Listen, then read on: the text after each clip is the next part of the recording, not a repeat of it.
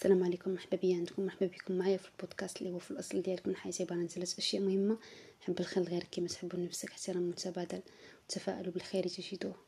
ما أجمل أن تنجح في عمق الفشل وأن تحول المحنة إلى منحة وأن تزرع الورود في أرض صحراء. كلما سقطت قم وتعلم. وليس العيب ابدا في سقوطك بل العيب الا تقف مرة أخرى. لا تستسلم. كونوا بخير. في أمان الله.